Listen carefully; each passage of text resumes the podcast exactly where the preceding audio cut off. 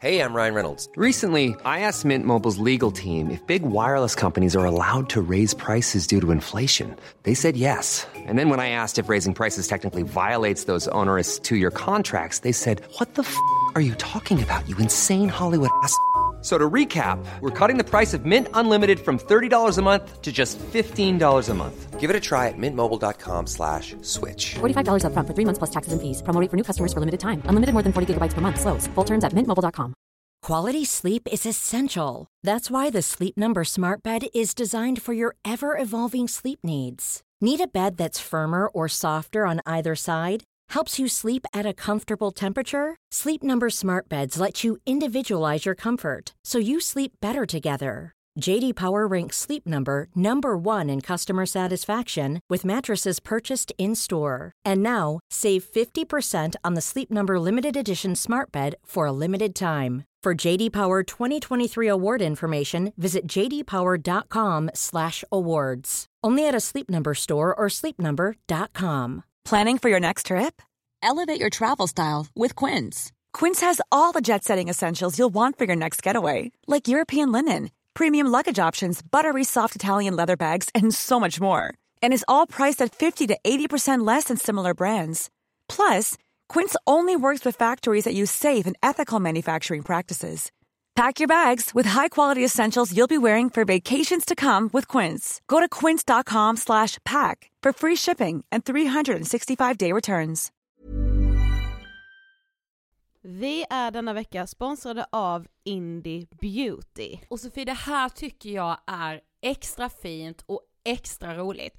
Ja men Indie Beauty är ju ett skönhetsvarumärke som jag tror att väldigt många känner till, men det jag älskar mest det är att Indie Beauty liksom vill vara mer än bara produkter, vilket de ju också är. Exakt. Indie Beauty står ju för Independent Beauty, skönhet på dina villkor och för din egen skull.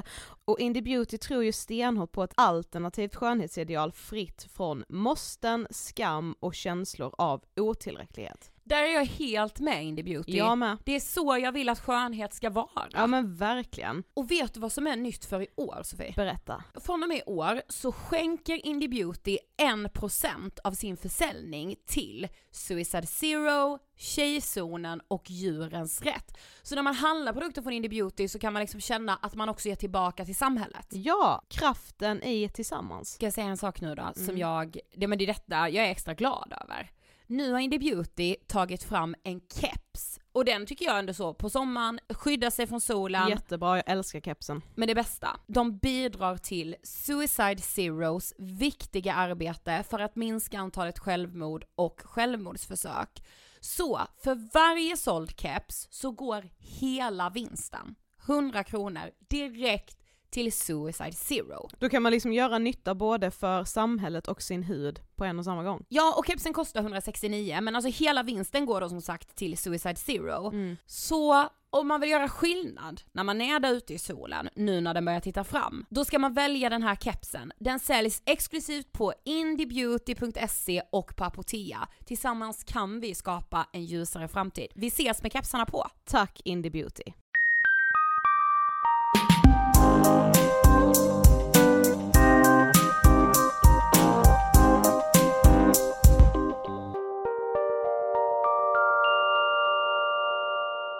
Hej på er och välkomna till avsnitt 94 av Ångestpodden! Hej! Gud. Jag är ehm, trött. Nej jag är inte trött, det är det. Jag har ont i huvudet. Ja. Nu låter jag som sagt någon klagotant ska gå igång liksom. Bara veva igång henne. Nej men jag menar inte så, men alltså du vet. Jag har ju kraschat lite. Men du har ju psykiskt kraschat. Ja. Mm. Men det har satt sig fysiskt. Mm. Men det är ju det det oftast gör. Mm. Det är det som är så konstigt. Det är därför man liksom har så, man liksom fortsätter gå till läkaren och man bara men nu känner jag det här och nu känner jag det här. Man bara, men ja fast man måste ju gå till botten med varför det blir så. Och botten är ju psyket liksom. Ja men jag vet och jag ska ju verkligen göra det men det är så här, vet du vad jag tycker är jobbigt nu? För nu ska jag jobba mycket mindre. Ja. För att så här dämpa stress och hela den. Mm. Tycker jag är så jobbigt. Och acceptera detta. Att jobba mindre. Jag har så svårt för det. Men du... eh, Men jag känner samtidigt så här, jag bara, bara lära sig. Mm, ja för det är det ju. Mm. Alltså det finns liksom ingen eh, genväg eller utväg till när man Nej. har eh, så här kraschat psykiskt. Det är bara att ta tag i det, lägga det man kan åt sidan så länge. Mm. Och sen liksom bara jobba det man måste göra liksom. Ja och sen bara hitta liksom det här i vardagen. Försöka hitta så små saker som ändå kan göra det bättre. Mm. Och på tal om små saker som kan göra det bättre.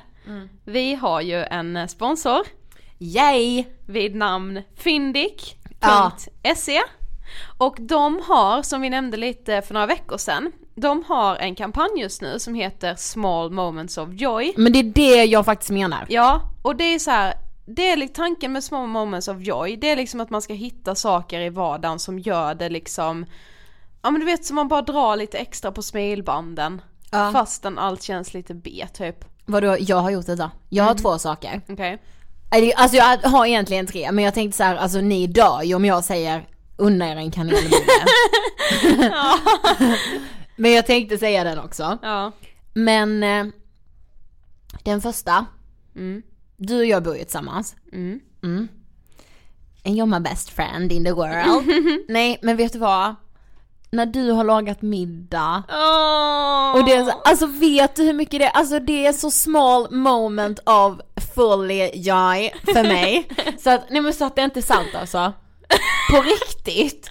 Ja vad bra. Ja. Lagar jag så god mat, menar du detta? Ja och sen dels hade det bara stå där och du bara Mat! Då, alltså det är för mig. Det är färdigt. Ja. Ja. Jag har faktiskt, insåg jag i helgen, att eh, jag älskar så här. Okej jag tycker inte om hösten på grund av mörkret, men det, det finns liksom en sak jag ändå gillar med mörkret och det är det här med att det liksom, så man kan liksom tända ljus och ha det så här cozy. Och min så här small moment of joy, som liksom, det kräver inte alls mycket, men det är bara att jag förflyttar mitt duntäcke från sängen till soffan. Ja. Och sen bara sitter jag där en hel kväll och typ kollar på film. Gud. Det är, det är typ det bästa jag vet. Ja, ja, ja. Jag hör dig, Ja, kan jag säga. ja. Okej, min andra då. Mm. Alltså det här kan man liksom, det är inte bara just nu för att det är mörkt och så här som man liksom ska hitta detta. Mm. Men vet du vad? Nej. Att ge komplimanger till andra. Ja. Den lilla tiden det tar och så mycket som man får tillbaka. Mm. Helt galet. Så sant. Ja det är verkligen, man borde liksom ge mer komplimanger. Ja, Man får liksom så jäkla mycket av det själv. ja det är det jag menar. Alltså så här, och jag, alltså det, när jag liksom tänker på small moments of joy så är det verkligen det. Du vet så här, man har haft en skitdag. Sen bara kommer man där och sen bara gud vad hon var fin i håret idag. Och sen säger man det och man ser hur glad man gör den personen och man liksom bara oj, tänk att jag liksom sa det och kunde göra henne så glad. Man gör så mycket för sig själv då. Mm, shit. Men för att lite så här rivstarta det här small moments of joy så har Fyndik just nu en tävling. Nej. Och vet du vad, vad ettan vinner? Nej. 10 000 kronor i presentkort på fyndik.se. Oh my god. Får jag alltså- vara med eller? Ja men om du ska vara med, då ska du göra så här. Du ska ladda upp en bild på Instagram som visar vad small moments of joy är för dig. Så då Ja. kan du göra den jag När du har lagat middag. Ja, så hashtaggar du det liksom. Med small moments of joy och även bara smoj, alltså small moments of joy, Ja, ja, jag första bokstaven. Smoj. Yes, och fyndik Mm. i den här bilden. Och sen följer man fyndik.se på Instagram. Ja, det gör jag redan. Ja, det gör jag med. Eh, och sen som motivering så beskriver man då vad small moments är för dig liksom. Alltså nej men vet ni vad, vad jag vill lägga till? Nej. Tagga oss också för jag vill se. Ja, Jag vill se era small moments of joy. ja, gör det och eh, var med i tävlingen och tagga även oss så vi får se liksom vad det är. Så blir vi lite inspirerade av er också. Ja. Så tack fyndik.se. Och idag har vi ju med oss en gäst. Ja vi har ju precis poddat detta. Ja. Alltså jag är verkligen så tagen. Mm. Och vet du vad jag mer är? Nej. Inspirerad. Ja, Full av inspiration. Ja. För idag har vi med oss eh, Mikaela Hamilton. Ja! Och hon, ja hon gav mig verkligen mycket energi trots att vi pratade om väldigt tunga grejer liksom. Ja. Inte bara dock. Vi pratade ju lite douchighet och kärlek Ja. också. Men vi pratar ju också om att förlora någon. Mm. Eh, och för mig var den här intervjun verkligen så här, ja men du vet när man verkligen känner det här bara, jag är så tagen. Mm. Det gjorde jag nu. Ja det blev, det blev jättebra, så vi hoppas verkligen att ni ska tycka om det här avsnittet också. Mikaela har ju sån power också. ja. ja men Känner hon du? har ju skinn på näsan alltså. Ja. En sån tjej man bara vill vara. Ja men så här, verkligen på ett positivt sätt. Ja. Ja men så här kaxig utan att vara kaxig. Alltså det är ju verkligen kul för vi har ju sagt länge att vi verkligen har velat ha med Mikaela i podden. Ja. Ni kommer höra hur det gick till när vi Ja, det är Kasta lite ut frågan. Vi, eh, vi skickade inte det här hederliga eh, förfrågningsmailet, kan man säga. Precis, det är, bara, det är bara folk sitter och väntar på att få från oss. Ja, precis. Där jävlar kom det. Ja, det här eh, gick till på ett lite annorlunda sätt. Det är inte så här vi raggar gäster vanligtvis, måste vi faktiskt säga innan. Men den här intervjun tycker jag verkligen blev så fin. Jag med. Så eh, vi säger precis som vanligt, vi rullar intervjun med Mikaela Hamilton. Varsågoda! Hej Mikaela och hjärtligt välkommen till Ångestpodden! Tack så mycket! Så kul att ha dig här. Det är väldigt kul att vara här. Jag vet inte om ni kommer ihåg hur ni frågade mig att jag Jo då, med. jo då, det kommer vi ihåg. Så här jättefulla på social media gala, bara rusar fram. Så vi hade varit på toaletten och bara, nu kommer Mikaela, vi Ja. frågar henne. Ja, jag kände mig, jag blev lite stoppad så här. Det var ganska mysigt. Och sen så kom det ju inget, eller ni frågade ju mig sen så kom det inget mail eller någon form av livstecken från er på jättelänge så jag bara äh, de kanske bara sa det för att de var packade. Sådana jobbiga som bara frågar alla på fyllan, vad vill du gästa? Ja, men jag var bara, "Jaha, jag är bara en i mängden nu och ni har stått utanför toaletten och bara plockat alla så här. Sagt till alla.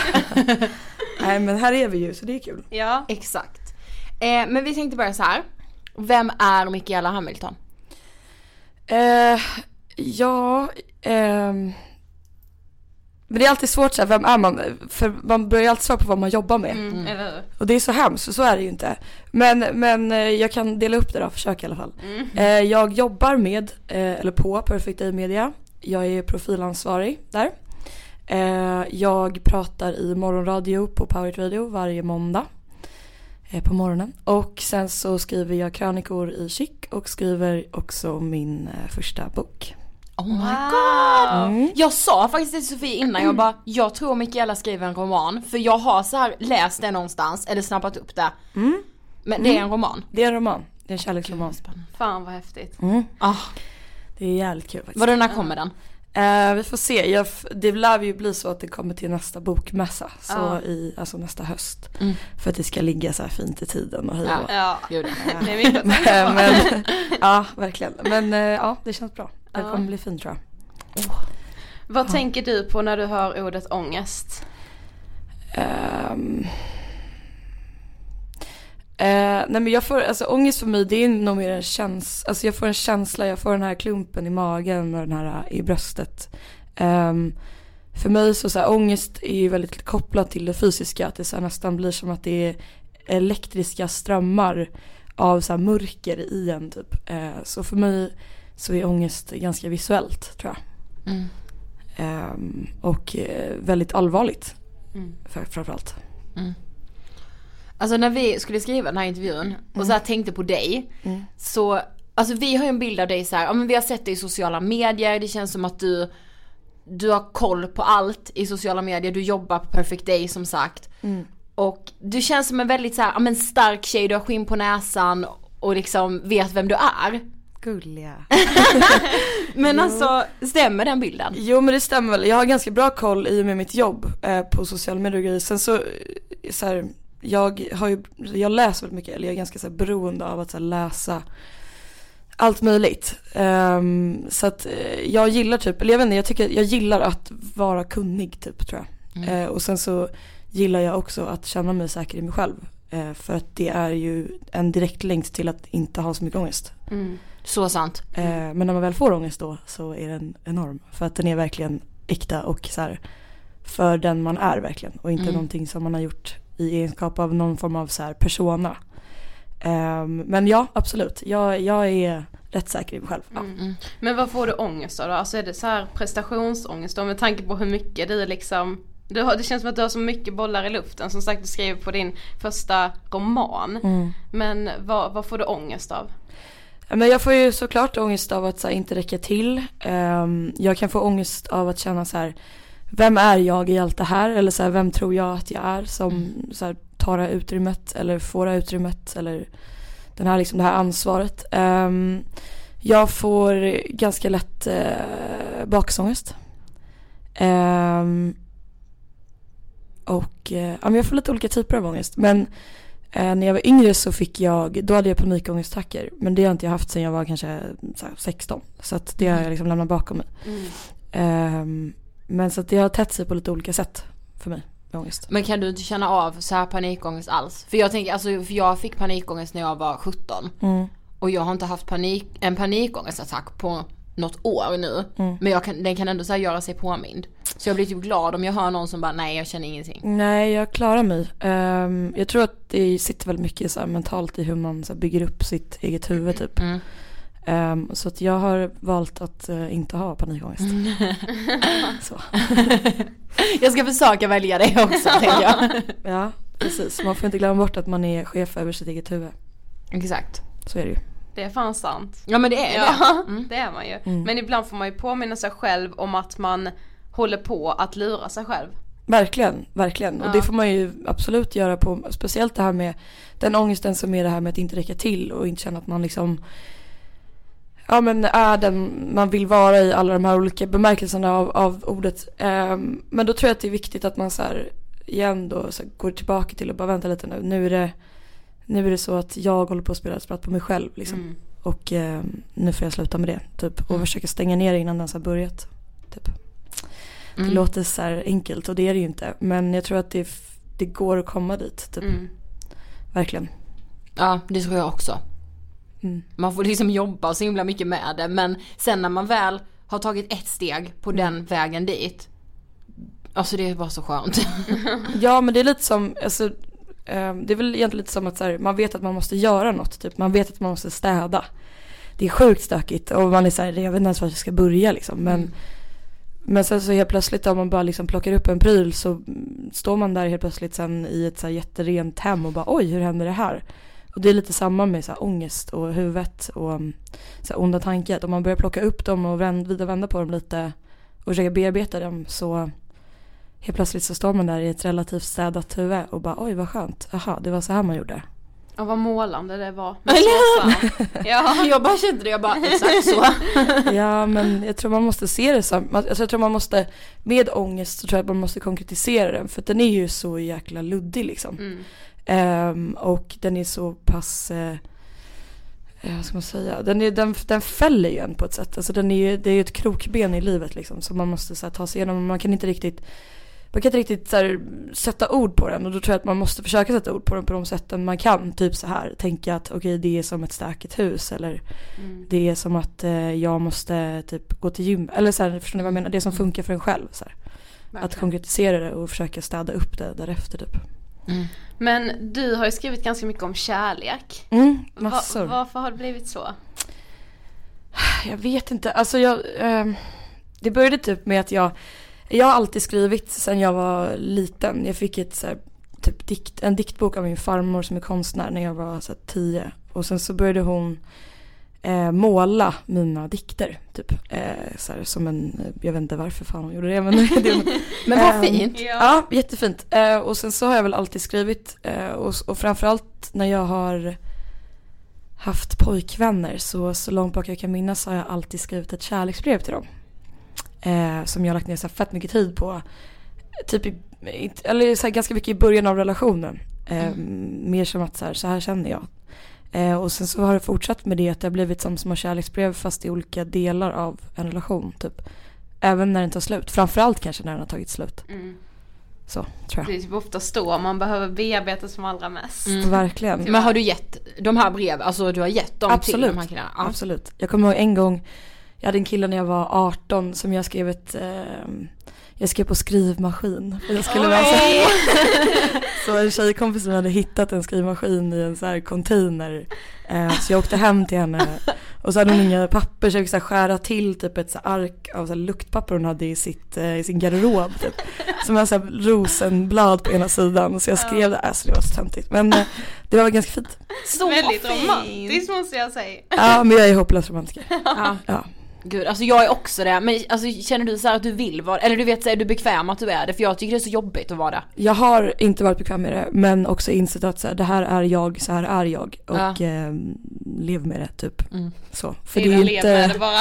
ja, men det är ju ingenting hemskt. Alltså, man kan ju vara så mycket hemska saker här i världen men om man är en hopplös romantiker så är ju det ganska snällt. Eller hur? Ja. Faktiskt. ja. Men kolla det finns ett specifikt inlägg, eller en krönika som du skrev som vi älskar så mycket. Ja. Och den heter eh, Icke-relationernas epidemi. ja. Ja men den är alltså, vi tänkte läsa den i slutet sen så att alla får höra den. Men alltså hur skulle du beskriva en icke-relation? En icke-relation det är en eh, relation till en person som du gillar, som gillar dig tillbaka. Som du umgås med frekvent. Som du åker hem med frekvent. Eh, som du kan ligga med i sängen en söndag och mysa med. Men när du kliver därifrån så är det som att ingenting har hänt. Alltså det här är, ja men du vet, Och jag bara, varför ler jag undrar jag? Eller båda ler, oroad. Men det är för att du sätter ord på det men jag hatar ju det egentligen. när vi läser den här eh, krönikan första gången, vi sitter och läser den högt i köket, jag minns det. Och bara, ja men du vet allt bara faller på plats. Vi bara, varför har man inte pratat om detta innan? Det här är ju något som så här singelmänniskor Ja. har det ju så här och Ja. har de här icke-relationerna. Ja men det är så sjukt. Ja för när jag läste det så kände jag mig såhär bara Egentligen är det ju ingenting man ska tolerera liksom. Att så här, Nej. kliva ut från den dörren och sen är det som att ingenting har hänt liksom och så här. För om den här killen eller tjejen då som man har legat med där eh, hela söndagen också så här, skulle börja träffa någon annan och då på sig bara men vi har ju inte haft någonting. Det känns ju som att det, den, den situationen kommer man hamna i med en gång. Då är det så här, för man känner sig så himla jobbig Ja. om man så skulle påpeka att men ursäkta du och jag umgicks ju hela helgen. Ja. Bara fast vi hade ju inget. Nej. Men hur ska man veta när man har något då liksom? Nej men det är ju det som är det svåra och det är där typ jag känner så här att alla, och det här är så här fjantigt egentligen men jag tycker att alla ska ta sitt ansvar där. Att så här, eh, gillar man någon så, så här, umgås med den personen på det sättet och var ganska så här typ prestigelös i det. För det, det är så här, så här med stolthet i kärlek, det går inte. Nej. Alltså. Det är två saker som aldrig kommer passa ihop. Liksom. Nej. Eh, och håller man på och mixtrar med dem så blir det fel bara. Och så här, jag ska inte skriva, jag ska inte bry mig, jag ska inte hålla på. Det- Så här, släpp det där bara. Ja. Här, låt det vara kvar för så här, de som går i åttan och nian typ och låt dem Ja. hålla på liksom. Och sen så, för deras hormoner springer runt och förstör för dem liksom. Men vi som är lite äldre, just don't liksom. Så. Men alltså är det bara jag, men jag tänker ju att det är så mycket mer killar som är det här. Men alltså det känns som att vi tjejer har liksom lättare för att så här, träffar vi någon en hel helg, vi ligger där i sängen med honom en hel söndag och myser och gosar. När vi går därifrån så tänker vi att bara, jo men det här kan verkligen bli något. Jo, Killar absolut. kan ha så många sådana här icke-relationer och bara, vad, vadå? Äh, nej det är ingenting. Mm. Ja och det är det här som är lite skrämmande just för att man kan ju ligga där och så säger den här personen så här Fan jag gillar dig, du är så jävla härlig, alltså du, fan vad mysigt det är att vara med dig.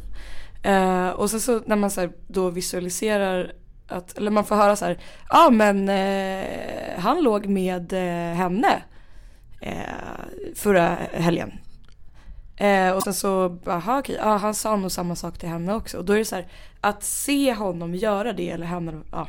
Mm. Nu, nu pratar jag som hetero men Ja. det appliceras ju på alla. Ja. Eh, nej men och då, då blir man ju så här bara, jaha men vänta lite nu, så att, hur kan du så här, titta mig i ögonen och Ja. säga att du typ gillar mig eh, och så att, så här, klappa mig på ömt på så här, kinden och pussa mig på pannan. Alltså hur går det till? Ja. Vad är det för jävel liksom? Ja. Och så här, just jag denna med Alltså jag brukar liksom verkligen inte säga det här Mm. men Man bara, Den gamla goda. för fan. Men det är det man känner ju sig så jävla jävla dum när man väl hamnar i den situationen då att man så hör från någon annan tjejkompis kanske bara, ja ah, men han eller hon ligger med den personen liksom Mm. så du är liksom bara en i mängden typ. Då känner man ju sig jättedum. Men Så egentligen är det ju bättre att bara konfrontera med en gång, men det är ju dumheten som gör att man inte vågar göra det då heller. Alltså så här, Men det här är också intressant för, för ni, eller så här, och då tänker man ju så här, nu ska jag konfrontera, nu ska jag gå upp i kamp typ. Mm. Men det är så här, vänta lite nu, nej det ska du inte. Du ska radera hans jävla telefonnummer och sen bara vi hörs. Alltså Ja. det ska inte ens bli ett problem för det är så här, om du är där på andra premisser än vad han vill låta dig vara där för. Dra, alltså släpp det. För då är det så här, du kommer inte vinna den här striden. Och om du bara så här, okej, men om jag ringer upp honom nu och frågar, eller smsar som man gör när, man, när det är söndag och det är 21.00 och man Ja. sitter med handen djupt ner i den jävla chipsskålen. Då är det så här, då är det så lätt att bara kasta iväg smset i ren så här affekt för man är lack liksom. Men gör det bara inte. Eller så här, ge honom inte ens det. Bara Nej. släpp det. Så, hejdå. Jag vet, alltså det är ju verkligen så man ska göra. Ja. Men det är ju svårt. Ja men det är jättesvårt för att man också, man blir ju så jävla blind och det här tror jag också är är ändå så här, en annan sak förutom stolthet som inte passar bra med kärlek det är ju logik. Alltså det är väldigt ologiskt och, och så här, vilja typ hålla i en annan person jättemycket. Eller förstår ni, det är Ja. ett jättekonstigt koncept liksom. Ehm, så att jag tror att det här med logik får man liksom lämna vid dörren också. Att det är så här, ja men det här är inte logiskt och så här att jag gillar honom även fast han beter sig så här är inte logiskt men I'm Sandra, and I'm just the professional your small business was looking for. But you didn't hire me because you didn't use LinkedIn jobs. LinkedIn has professionals you can't find anywhere else, including those who aren't actively looking for a new job but might be open to the perfect role, like me.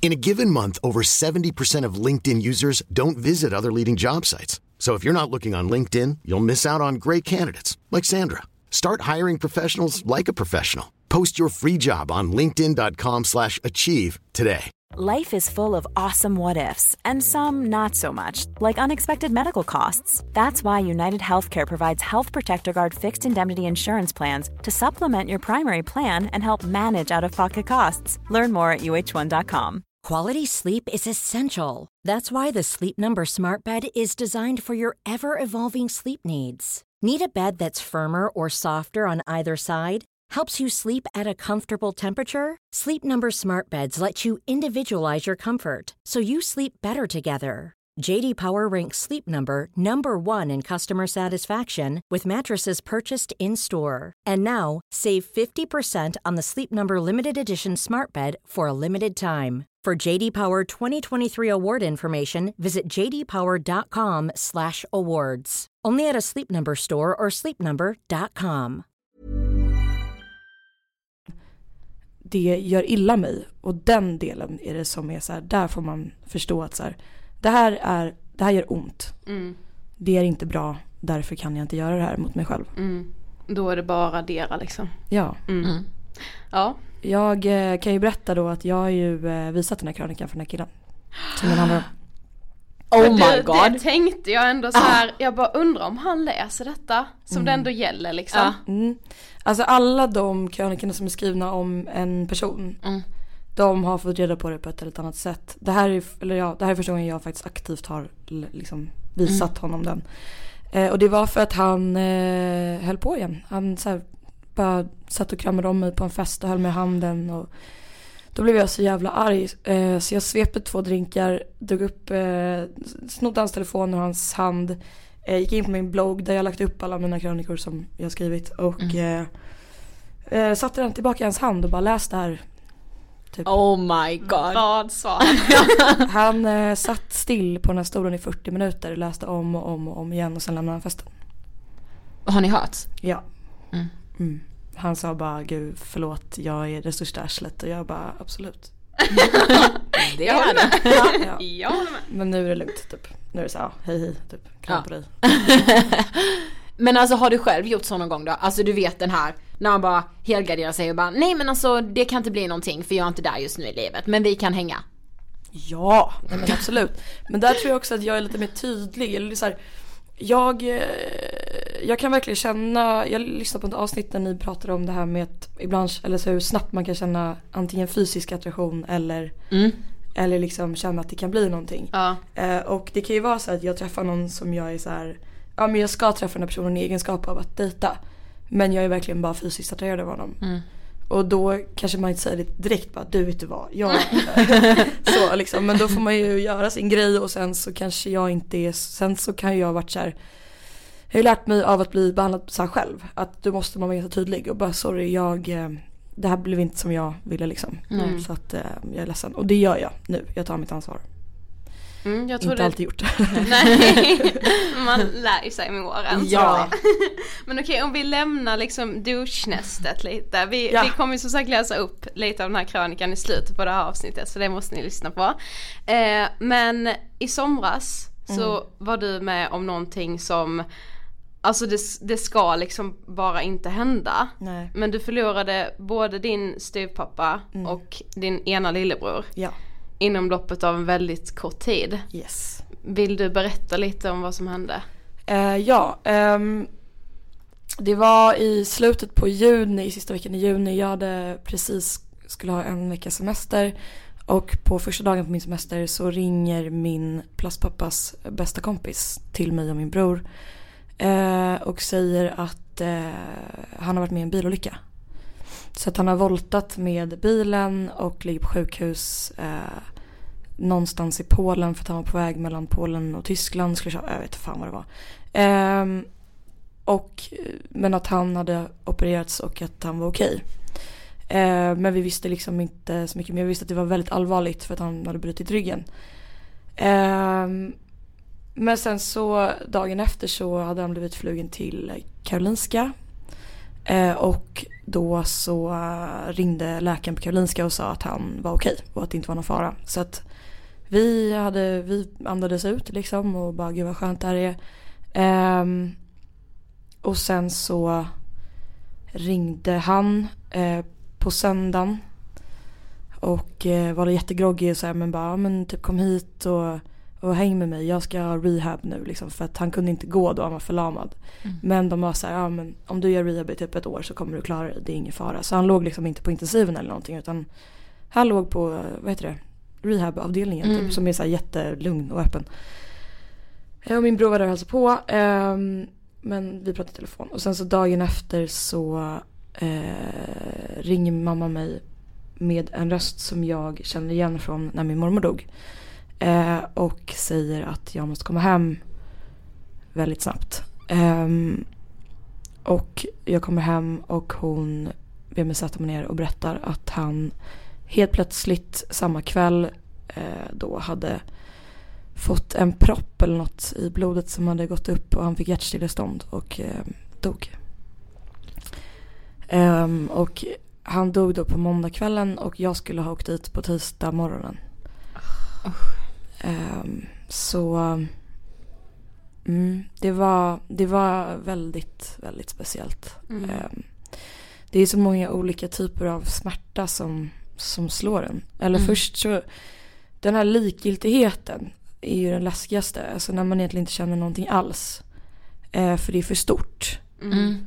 Det var typ så det, det kändes. Liksom. Ja för det känns ju som att när man typ kollar på film Mm. och något sånt här händer. För man tänker typ att sånt här bara händer på film.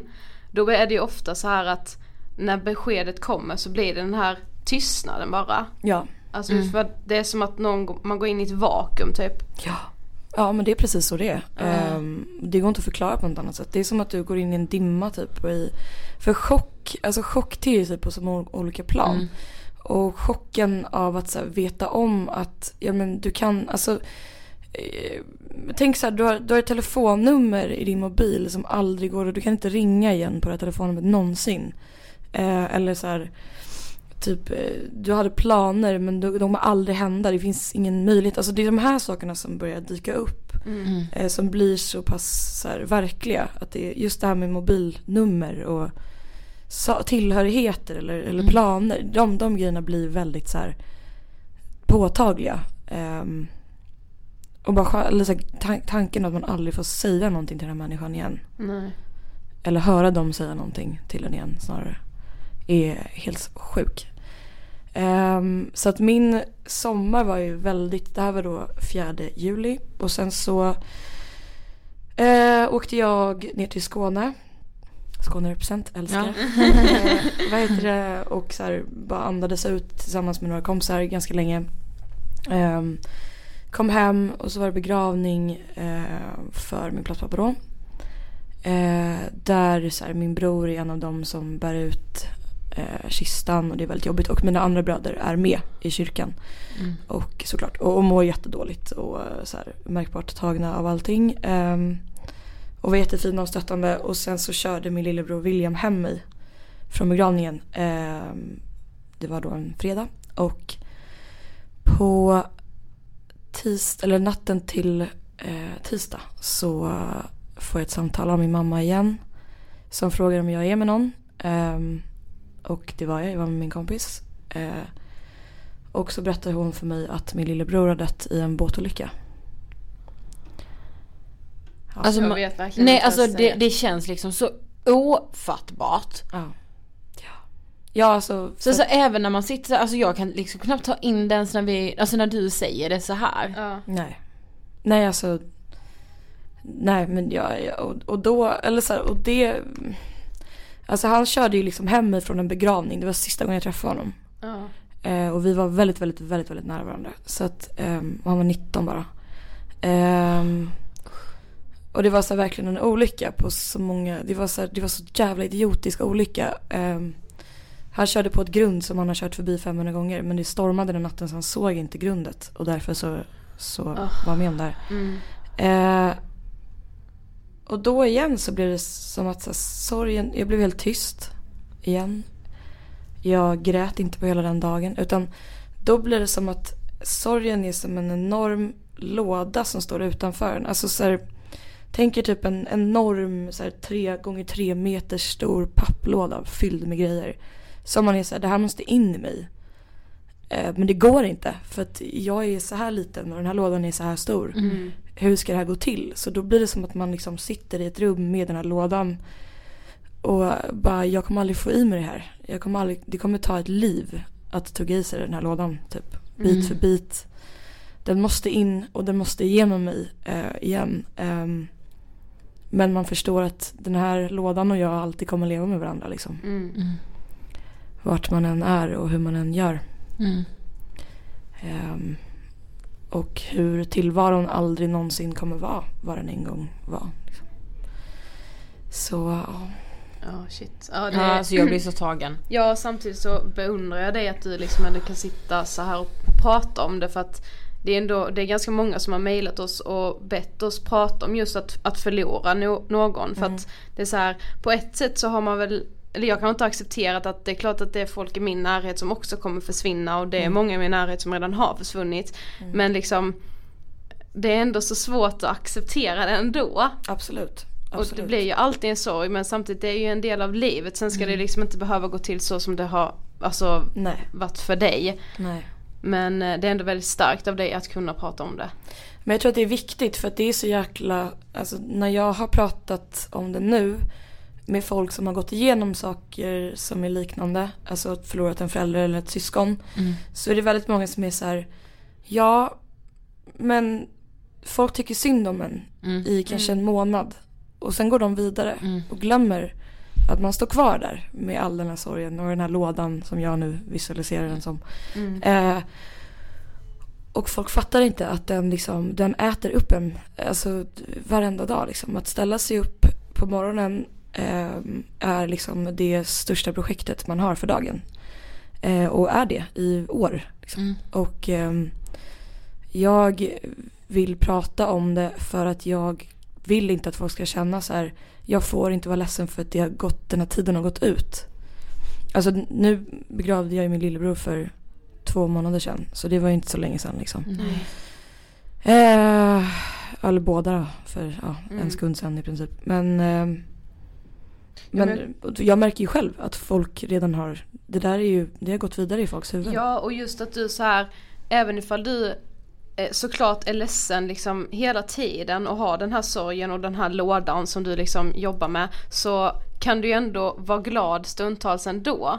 Men att det Absolut. kanske är det som gör att folk så här tror att man typ bara har glömt allting. Ja. Absolut och det är, alltså, det är mycket, det är väldigt många ofrivilliga konsekvenser såklart av att förlora någon förutom allt som man kan tänka sig.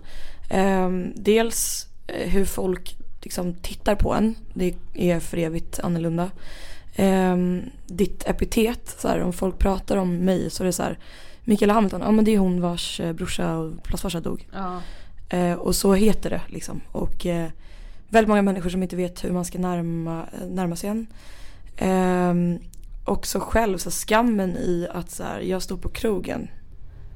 Är det okej? Okay? Mm. Eh, Precis, det Mm, tänkte det jag tänker verkligen jag också på. Mm. Eller är det okej att jag känner att jag faktiskt är glad idag liksom? Ja.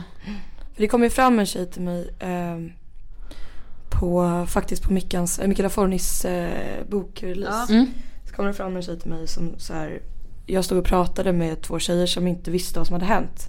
Eh, så vi, jag valde att inte prata om det för att så här, det är ingenting man bara droppar på en Nej. sekund liksom. Eh, och hon kommer fram i konversationen, avbryter, kramar om mig och så här. Ja vad stort ändå att du kan vara ute på stan. Och då fick hon mig, och det var inte hennes mening såklart, men då fick hon ju mig att känna mig så extremt smutsig och skyldig typ. Mm. Som, som kan göra en sån trivial sak som att så gå på en, på en bokrelease. Alltså Ja. vad är det? Liksom, jag ska ju sitta hemma på kammaren och grina ihjäl mig. Liksom. ja men precis. Ehm, men och då sa jag här, samma som jag vill säga till alla egentligen är så här. När någon går bort så tror jag att man tänker innan man har varit med om det själv. Så är det så, så lätt att man säger så här. Ja men dör den här och den här personen då dör jag själv. Alltså jag kommer bara checka ut, det kommer aldrig gå liksom. Mm. Men så här, tiden tickar ju. Alltså man, man på något sätt så är det så här, ja det är det sista du tänker på när du går och lägger dig. Ja det är det första du tänker på när du vaknar. Eh, ja det kommer hämma dig jättemycket från att så här, leva ditt vanliga liv. Men du lever ju. Alltså du andas ju på. Även hur ofrivilligt det än kan vara i så stunder. ehm, så gör man det. Mm. Liksom. Och eh, man får liksom inte, jag tror att om man inte kan leva för sig själv i de stunderna så får man liksom leva för dem. Tror jag. Mm. Eh, på något sätt. Liksom. Mm. Ja men alltså, gud vad jag tror det är viktigt att prata om det här med, att man inte ska känna skuld för att så här, ja men du går ut på krogen eller man är på någon, alltså man är på något event eller men vad som helst. Alltså så här, det kan man ju inte känna skuld för. Nej, och lika mycket tvärtom då. Att så här, om man ska gå på en fest, det här har jag gjort jättemycket nu på senaste. Liksom att, ja, men jag tänkte att jag ska gå på en fest eller något och så bara sista sekunden bara, jag vill inte, jag orkar inte. Och då är det så här, nej. Och så är det bara. Och så här, ja. folk får förstå det liksom. Att så här, ställer jag mig bland människor nu i det här stadiet som jag befinner mig i i den här timmen. Så kommer det inte sluta bra. För att jag kommer vara ledsen och jag vill inte vara ledsen bland folk. Som jag inte är bekväm med. Och därför stannar jag hemma. Mm. Och så får det vara. Och så får det vara exakt hur länge man vill. Liksom. Mm. För att det finns, det finns, eller så här, det finns ingen tidsfrist på att få vara ledsen för att man har förlorat någon. Ehm, ur livet, alltså permanent. Mm. Sen absolut så här, att göra slut med någon, sådana här saker. Det, där måste man tyvärr sätta ett slutdatum liksom. Men, Mm. men att förlora människor, det, det får man vara ledsen för. Kanske inte hysteriskt, men man får vara ledsen för det exakt hur länge man vill.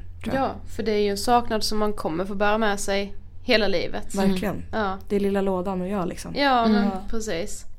Men det kanske är svårt att säga så här ändå nära in på men har det liksom ändå funnits någonting som du har kunnat fokusera på för att liksom ändå så här gå vidare? Um, jag tror att det finns otroligt få saker som är positiva som kommer ur en sån här grej. Men en av dem är att man nästan svävar ut ur sig själv och kan se på sitt liv och alla människor där i och alla saker som man fyller det med så här uppifrån. Ehm, så att min grej har varit att titta på mitt liv och känna så här vad i det här får mig att må bra och vad i det här får mig att må dåligt. Och egentligen försöka planera om och ta bort ehm, och lägga till saker och så här, jobba med mig själv. På ett så ostört sätt. För folk låter en göra det på ett helt annat sätt när man är med om sådana saker.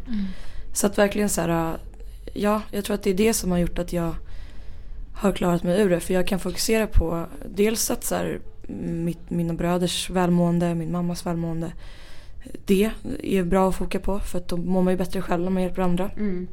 Eh, men sen också verkligen så här konkretisera och försöka leva så här efter det som gör mig glad och ta bort allt annat. Typ. Mm. Så gott det går. Mm. Rensa ogräs. Helt enkelt. Ja. Ja, alltså vi har kommit till sista frågan. Mm. Vad inspirerar dig? Ehm, människor som har varit på botten men som, på, som tar sig upp. Inte att de behöver vara på toppen men att de håller på och försöker ta sig upp. Det inspirerar mig. Som du vill Ja, verkligen. ja. Jo men jag är så, här så tagen nu. ja, jag med. Fina ni. Mm. Nej men det är fasen. Nej men det jag tror att Jag tror att så här, Det måste få finnas eller man måste så här, Man måste få Känna att så här, det är okej att inte vara på topp. Alltså, men du är i alla fall inte på botten. Nej. Så liksom. Och Mm. det är så här, sen hur lång tid det tar att kliva upp det, det är så jäkla individuellt liksom. Och aldrig liksom känna skuld över vad det är man känner liksom. Nej. Om det så är sorg eller om det för stunden faktiskt är glädje. Mm. Mm. Tack så jättemycket för att du vill gästa Ångestpodden. Det var så härligt så.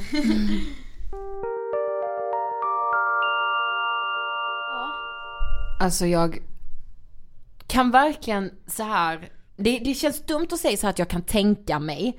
För jag har inte förlorat någon så nära. Nej. Eh, som inte har varit så här naturligt liksom. Mm. Men det här som Mikaela sa med att, lite det här med att folks liv går vidare. Mm. Men man själv är liksom kvar med sorgen. Alltså jag tyckte det kändes verkligen så här, gud vad det är så.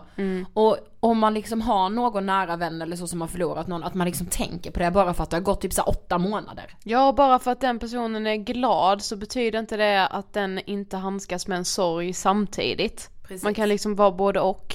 Mm. Mm, det tycker jag är väldigt viktigt att komma ihåg. Men det är det. Ja, så tack så jättemycket Mikaela för att du vill gästa Ångestpodden. Ja, och som sagt i slutet hör ni texten om icke-relationer som Ja. vi pratade om. Ja, den är fantastisk. Jag bara satt och nickade när Mikaela läste Ja, jag vet, bara, jag ja, också. ja, det är så sant. Ja, eh, okej vi har ju en liten eh, gemensam veckans hiss den här veckan. Ja, det har vi! Yay! Vi ska den 26 november, alltså om typ tre veckor, Mm. eh, hålla en livepodd under en mässa här i Stockholm som heter Allt för hälsan. Ja. Som kommer vara ute i Älvsjömässan. Ja. Eh, och eh, vi har möjlighet att ge er lite fribiljetter dit! vi vill ju Eh. såklart att ni ska komma. Ja men precis, vi kommer liksom hålla i eh, några intervjuer där, mer säger vi inte. Nej. Eh, och sen efter det kommer vi hänga i någon så här grej där man kan prata med oss och Ja men bara snacka vi, liksom. ja, vi kommer ha så kul. Mm. Och ehm, precis, ni mejlar till eh, angestpodden at ingetfilter.se och märk mejlet med allt för hälsan. För då får du biljett för dig och en vän. Du får Yes. alltså två biljetter. Yes, och detta gäller alltså de 25 första som mejlar oss så det gäller att vara snabb på bollen här nu. Yay! Ja. Och vi vill ju att ni kommer och hänger med oss, kramas med oss för då blir vi alltså överlyckliga. Ja, så bor du i Stockholm och inte har något för dig den 26 så vet du var du ska infinna dig. Och om du har något för dig, planera om. Ja, ändra om kalendern. Nej men det kommer bli jättekul. Vi kommer ju vara där liksom och hänga lite hela dagen. Mm. Och så kommer vi ha en livepodd också. Precis. Yes. Okej, det här var allt den här veckan. Mm. Vilket avsnitt. Mm. Och som sagt, nu kommer texten om icke-relationer som jag tror att alla kan relatera till. Mm, på ett eller annat sätt, ja. Tack för att ni har lyssnat. Ha det bäst! Hej då! I Ubern hem från en kille jag finner mig hos med jämna och korta mellanrum kom jag på mig själv. Han är härlig, smart, intressant och våldsamt rolig. Jag kanske skulle ta och hänga lite mer med honom, se vem man är fast ordentligt liksom. Vi ses ju på barer innan klockan ens blivit midnatt och stirrar in i varandras ögon med märkbar kemi för utomstående åskådare. Vad låser det sig då? Jag fick ett sms några minuter efter detta tanketåg passerat i vilket han ber mig om ursäkt för att han berättat för mig kvällen innan att han har känslor för mig. Att han inte borde ha sagt något för att han är ju lite ur fas från tjejen han dejtade sist och därför inte kan lova mig att han är redo för något seriöst. Att han säger det nu så att han inte sårar mig sen. Det finns alltid någon eller några man pratar med när man i natten då klubbens ljus tänds står ensam kvar. En sån man smsar när dagen byter namn till söndag om man vill ha någon som kramar på en. Såna där man inte riktigt vet varför de är just såna där. Varför just den relationen bromsade och dog ut innan något knappt hade hunnit födas. Jag syftar till alla de här personerna du har i din telefonbok som du egentligen gärna skulle dejta men av olika anledningar inte gör. Jag pratar om epidemin som spridit sig bland alla singelmänniskor där vi alla blivit så sjuka att vi bara spelar utan insatser där vi lajvar förhållanden men helt konsekvenslöst och utan förpliktelser. Jag pratar om icke-relationerna. Undrandes och ältandes har vi, kvinnor som män, läggning som läggning, diskuterat och funderat över varför vi står och stampar på samma plats med vissa personer. Varför man en kväll tillåts vara insläppt, nå högre och få värmas för att sen dagen därpå bli avhyst ut i kylan igen. Det där beteendet som sen ursäktas från motparter med jag kan inte ha en relation just nu eller det är väl bra att jag säger något nu så man inte kommer på det när det är för sent. Det där beteendet man faktiskt även själv slänger sig med. Jag ringde en tjejkompis och berättade om min icke-relationskilles Hej, jag gillar dig, alltså på riktigt verkligen tal och även då hans efterföljande sms. Jag läser upp hans ord, beredd att berätta hur gullig han är som deklarerar sin osäkerhet, att han inte vill såra mig. Fast när hans ord blir mina, när jag högläser detta för min kloka vän, hejdar jag mig mitt i. Istället för att läsa upp resten av smset för min vän säger jag istället att han faktiskt inte alls sitter på en position rent känslomässigt i mitt liv där han kan såra mig. Men någonting grandiost i honom och någonting naivt i mig låter honom känna sig stolt över att han gett mig en heads-up för sin kommande eventuella douchighet. Haha, vänta lite nu. Springer vi alltså alla runt och förbehåller oss rätten att bestämma hur andra människor känner för oss? Har vi singelmänniskor någon masshybris om att alla vill bli tillsammans med oss så pass mycket att vi måste gardera oss för eventuella jobbiga situationer innan de ens i närheten har tillåtits hända? Jag sväljer hårt när jag läser mina svar tillbaka som skrevs innan denna insikt hade hejdat dem. Klart vi bara kan hänga lite och se vad det leder. Det behöver inte bli en grej mer än så. Fattar att du är lite trasig från henne, helt lugnt. Vi kan väl bara ta en öl snart som du sa igår. Min vän skrattar till i telefonen efter min långa utläggning. Ja, jäklar du. Jaha, så inga fler icke-relationer som bara dränerar oss på tid och känslor? Nej, sa jag. Kan inte du skriva en krönika om detta så alla fattar att sådana här personer bara måste bort? Jo, sa jag och raderade hans nummer. Gör det du med. Hey, it's Danny Pellegrino from Everything Iconic. Ready to upgrade your style game without blowing your budget? Check out Quince. They've got all the good stuff, shirts and polos, activewear and fine leather goods, all at 50 to 80% less than other high-end brands. And the best part? They're all about safe, ethical and responsible manufacturing. Get that luxury vibe without the luxury price tag. Hit up quince.com slash upgrade for free shipping and 365 day returns on your next order. That's quince.com slash upgrade.